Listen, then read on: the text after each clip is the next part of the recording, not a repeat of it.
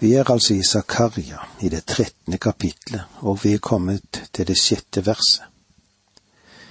Og der står det noe som vi har vært innom, dette med sårene til mesteren, han som ble såret for våre overtredelser.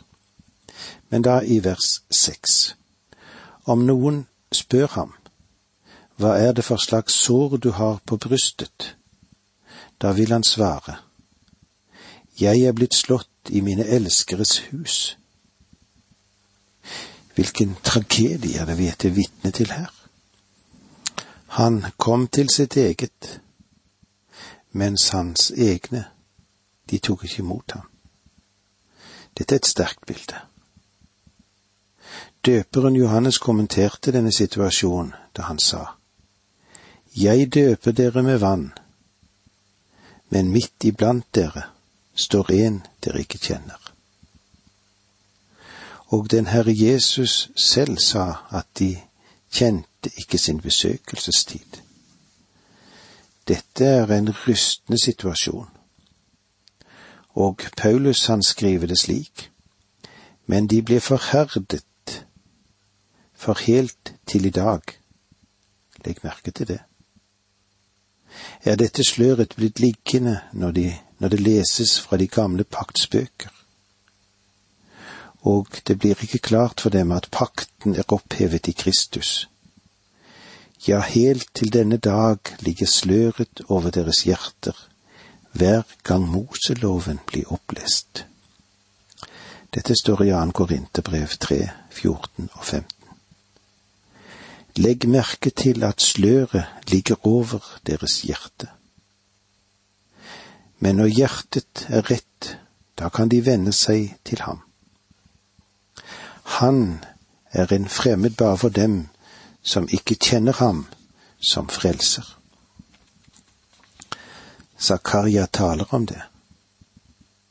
Ved hans første komme kjente de ham ikke og det er en slående kontrast mellom Kristi første komme og hans annet komme. Forløsningen er det store ordet ved hans første komme. Åpenbaringen er det store ord ved hans andre komme. Det var forsoning ved hans første komme, og erkjennelse ved hans andre komme. Det var mysterium ved hans første komme, og det vil bli forklaring ved hans andre komme. Dette gir et veldig bilde av Kristus. Vers syv Sverd, våkn opp mot min hyrde, mot mannen som står meg nær, lyder ordet fra Herren allers Gud. Slå hyrden så sauene spredes. Mot de minste vil jeg løfte min hånd. Dette henviser til at han ble knust. Faktisk er det slik at da Kristus var her første gang, så sa han at dette verset angikk ham selv, noe vi skal se. Dette særlige verset i Skriften sammenfører vi umiddelbart med ordene som Zakaria har gitt oss tidligere. Slik som det sto i kapittel tolv vers ti. Da skal de se på meg, på ham som de har gjennombåret, og sørge over ham. Sverd, vågn opp mot min hyrde mot mannen som står meg nær, lyder ordet fra Herren allers Gud. Herren Gud er den som taler, og Kristus, Messias, er personen det tales om. Uttrykket mannen som er meg nær, kanskje det ville vært bedre oversatt med ordene mannen som er min like, eller mannen jeg er knyttet til. For meg er dette en av Gamle testamentets henvisninger til Kristi guddom. Slå hyrden, så sauene spredes.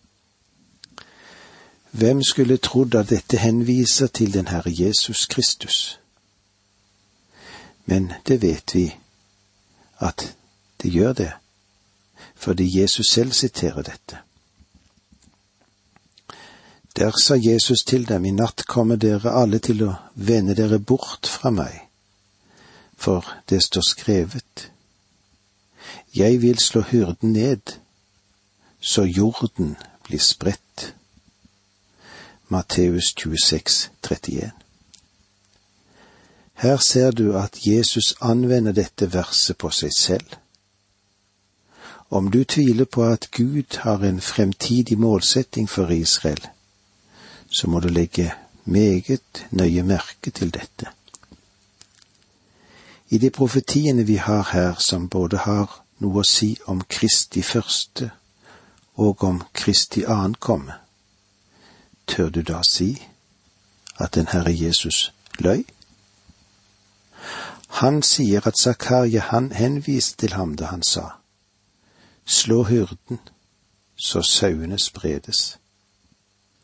Og når han kommer annen gang, så vil de spørre, Hva er egentlig disse sårene, disse naglemerkene som du har i dine hender? Og svaret skal være, De fikk jeg i mine elskeres hus og som vi så det i kapittel tolv, da skal de se på meg, på ham som de har gjennombåret, og sørge over ham, ham like som en sørger over sin eneste sønn. Dette vil bli den store forsoningsdagen for det jødiske folk, og det er åpenbart at dette hører fremtiden til. De to siste versene i dette kapitlet henviser til den store trengsel. Vers åtte. I hele landet lyder ordet fra Herren. Skal to tredjedeler utryddes og omkomme, men en tredjedel skal bli igjen.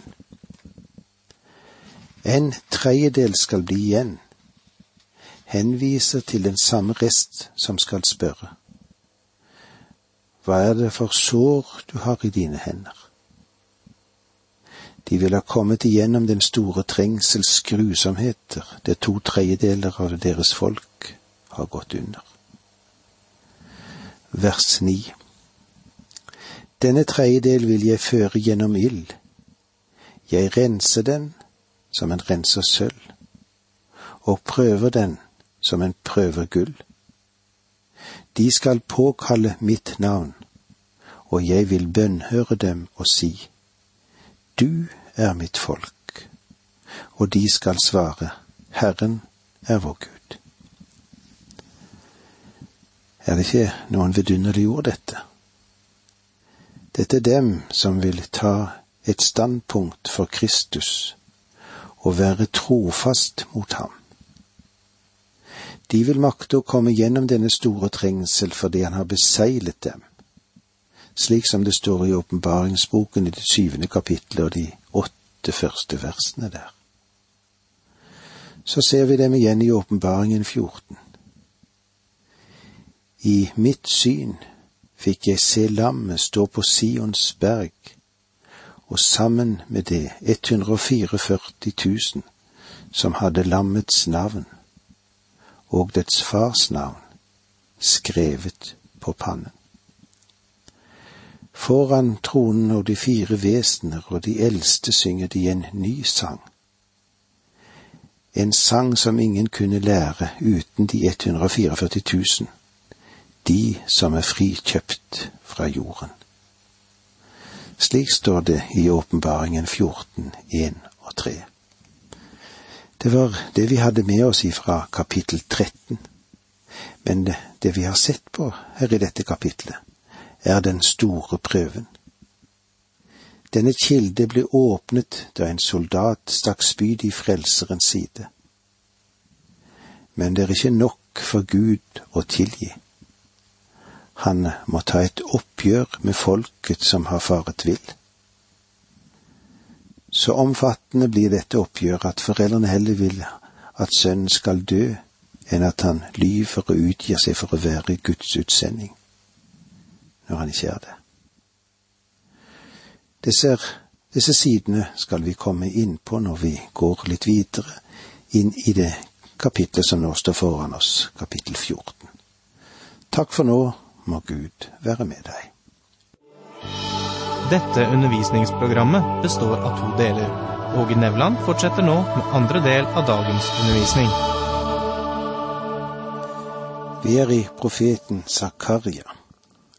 Og i denne profetboken har vi sett på hvordan det er med Jesu første og annet komme. Og nå i det vi går inn i det fjortende kapitlet, så vil vi se fakta om Kristi komme. Kapittel 14 avslutter andre del av det siste hovedavsnitt som vi finner i Zakarias-boken. Denne siste delen, kapittel 9 til 14, har å gjøre med den profetiske byrde. Den første delen har å gjøre med det profetiske syner knyttet til Kristi førstekomme, slik som vi så det i kapitlene 9 til elleve. Og den andre og siste delen, i kapittel 12-14 møter vi den andre profetiske byrde, der vi har aspekter knyttet til Kristi annet komme. Dette siste kapitlet summerer bare opp alt og knytter sammen en del løse tråder for oss. Det interessante er at vi har en, et meget klart program som er gitt oss i Zakaria sin bok. Og dette programmet finner vi meislet ut i alle bokens tre hovedavsnitt. Først hadde vi de ti synene. Deretter det historiske mellomspill og nå i denne siste hovedhalvdel, der vi møter de tunge profetiske budskapene. Vi starter alltid der Israel var ved denne spesielle tid. Og eh, de var ikke ubetydelige vanskeligheter her. Og så beveger vi oss inn gjennom Israels nasjonale omvendelse når folket skal vende seg til Gud, og det skal bli en spesiell utgytelse av Guds ånd. Alt dette forbereder scenarioet for Messias komme. For ved den tiden har de gått inn i den store trengselsperioden. I dette siste kapitlet er det et stort klimaks. Men også dette følger den totale programserien som Zakaria har trukket opp for oss i sin bok. Dette er en del som fører frem til og inn i opprettelsen av riket ved Kristi ankomme. I hver av hoveddelene oppmuntrer Zakaria folket han profeterte for, og ba de se fremover og trekke opp det profetiske program for Israel. Det er visse ting vi må ha klart for oss når det gjelder dette kapitlet. Det første er at det er helt og fullt profetisk. Det er et sammenhengende profetisk budskap.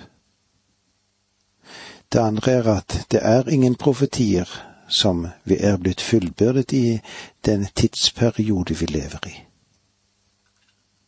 Med andre ord taler det om endetiden, som innvarsler rikets komme.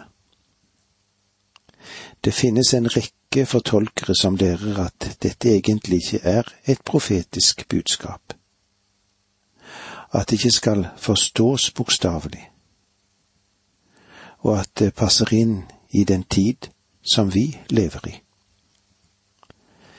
Tro meg, det ville i så fall lede til noen underlige fortolkninger, det. Selv svært liberale fortolkere skriver at dette kapitlet unndrar seg all historisk forklaring. Det er lov og det vette som sier dette. Og sannelig, vi kan jo si amen til dette, siden ikke noe av dette har hendt i fortiden. Derfor må vi se på dette kapitlet som totalt profetisk. Det vil si at det ikke bare er profetisk sett fra Zakaria sitt ståsted, men også sett fra ditt og mitt ståsted, fra vårt ståsted. Den eneste fortolkningen av dette kapitlet som vil tilfredsstille oss i forhold til øvrig profetisk litteratur, er en bokstavelig tolkning. Det er det eneste som kan gi dette avsnittet mening. Og enhver tolkning må være i harmoni med konteksten, det vil si sammenhengen der det står. Når det gjelder å tolke profeti eller tolke Skriften, samme hvilke avsnitt det gjelder, så kan du ikke se bort fra sammenhengen dette avsnittet står i, verken før eller senere. Og du må også tolke den i pakt med den ånd og følelse som finnes i hele Guds ord. Du kan absolutt ikke gripe inn her og komme ut med en vill tolkning som ikke har noe gjenklang eller grunnlag i fakta. Jeg tror at dette er en meget viktig del av Skriften, fordi den demonstrerer forskjellen mellom bokstavelig tolkning av Skriften og den som åndeliggjør og mystifiserer dem, og praktisk talt tar all mening ut av dem. En slik tolkning fører bare til at dette avsnittet skal ses som om den skulle være allegorisk, det vil si noe som bare har med myter å gjøre, og kan oppløses til ingenting. Det er et forsøk på å bortforklare fremfor det å forklare. Får jeg lov til å si til dere disse versene er ikke bare figurative. Det vil si at de er et bilde på noe helt annet. De angår ikke den nye testamentlige tidsepoke og den rest som tales om her. Og det er understreket klart i boken allerede. Det er en jødisk rest. Vi må besinne oss på at dette kapitlet er helt og fullt eschatologisk, det vil si at det angår de siste tider. Med dette som bakgrunn, så la oss gå tilbake til selve teksten, slik som vi finner det i det første verset i kapittel 14. Se, det kommer en Herrens dag. Da skal det hærfang som er ført bort fra deg, bli skiftet ut hos deg. Se, det kommer en Herrens dag. Det kunne kanskje være en god avisoverskrift, det. Se, det kommer en Herrens dag. Mange ganger når du leser en avisartikkel, så gir selve artikkelen oss bakgrunnen for det som fører frem overskriften. Det er det som skjer her. Se, det kommer en Herrens dag. Her møter vi igjen dette mektige uttrykket. Og vi vil se at det som vi har foran oss i de første tre versene, er den siste beleiringen av Jerusalem. Og deretter i versene fire til syv så beskrives det for oss Messias sitt komme. Vi har sett alt dette også i de øvrige kapitler i denne boken. Men vi møter igjen det samme fra en litt annen synsvinkel for eksempel når det gjelder den store trengselen og beleiringen av Jerusalem. Det var viktig i de tidligere uttalelser, og det legger vekt på den siste del av denne epoken, som hadde med den kommende utfrielse å gjøre. Og Zakaria profeterte for å oppmuntre folket men her ser vi hvor tragisk det faktisk vil bli under denne perioden som kalles Herrens dag. Joel understreker at Herrens dag ikke er lys, den er mørk, det er mørket. Den begynner i mørket. Det håpløse og hjelpeløse hva angår menneskene i denne perioden er vanskelig for oss å forstå. Se, det kommer en Herrens dag. Det er dette uttrykket som er så viktig å ta med oss her, selve overskriften. og den henviser til en dag i fremtiden som ennå ikke er kommet, når Antikrist fører inn den store trengsel. Selv om verden vil tro at han innvarsler tusenårsriket. Det har vært en del konger og presidenter i denne verden allerede som har trodd at deres regjeringsepoke skulle danne opptakten til et slikt rike. Men det har de ikke fått lykke med enda. Ingen mennesker innvarsler den epoke. Den epoken, den er det Jesus selv som gjør. Men her er det klart at fienden skal ta Jerusalem igjen, og det skal være den siste beleiringen. I vers to leser vi slik her i det fjortende kapitlet. Jeg vil samle alle folkeslag til krig mot Jerusalem. Byen skal bli tatt, husene vil bli plyndret og kvinnene voldtatt. Halve byen må gå i langflyktighet, men resten av folket skal ikke utryddes fra byen. Dette er den siste beleiringen av Jerusalem, og det er ikke noe vakkert bilde vi får se her. Fienden tar byen, og Zakaria sier alle folkeslag, så er det vel slik for min del at jeg heller til å mene at hvert folk, de kommer til å være representert der. Vi får komme tilbake til dette når vi møtes igjen neste gang, for det var så langt vi kom i dag. Takk for nå, må Gud være med deg.